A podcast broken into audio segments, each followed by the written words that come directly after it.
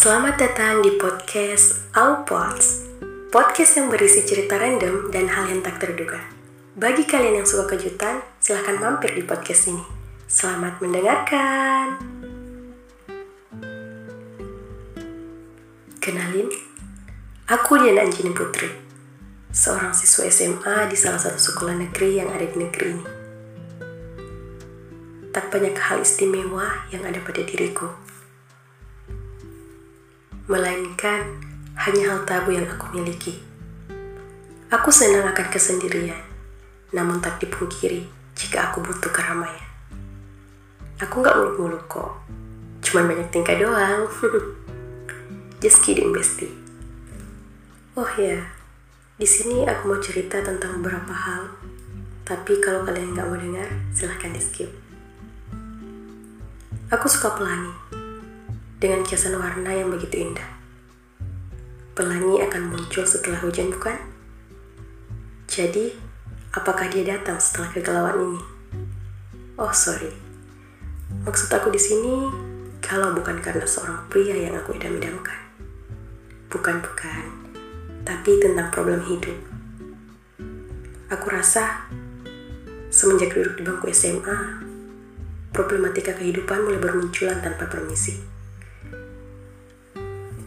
Salah satu hal yang pernah aku dapatkan adalah ketika aku merasa kayaknya dunia ini terlalu bercanda dengan aku. Apakah aku terbilang manusia kuat? Memiliki kekuatan super seperti Ultraman dan memiliki senjata seperti Kapten Amerika?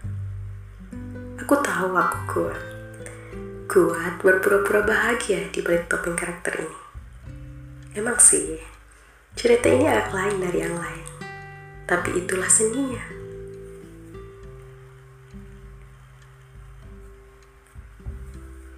Seringkali aku ditanya oleh beberapa teman, Kok kamu sedang mojok mulu? Kamu introvert ya? Dan masih banyak lagi pertanyaan yang dilontarkannya. Aku cuma menanggapi dengan senyum tanpa menjawabnya. Aku berpikir bahwa, ya, mungkin orang memiliki tanggapan seperti itu karena dia sering melihat aku melakukan hal tersebut.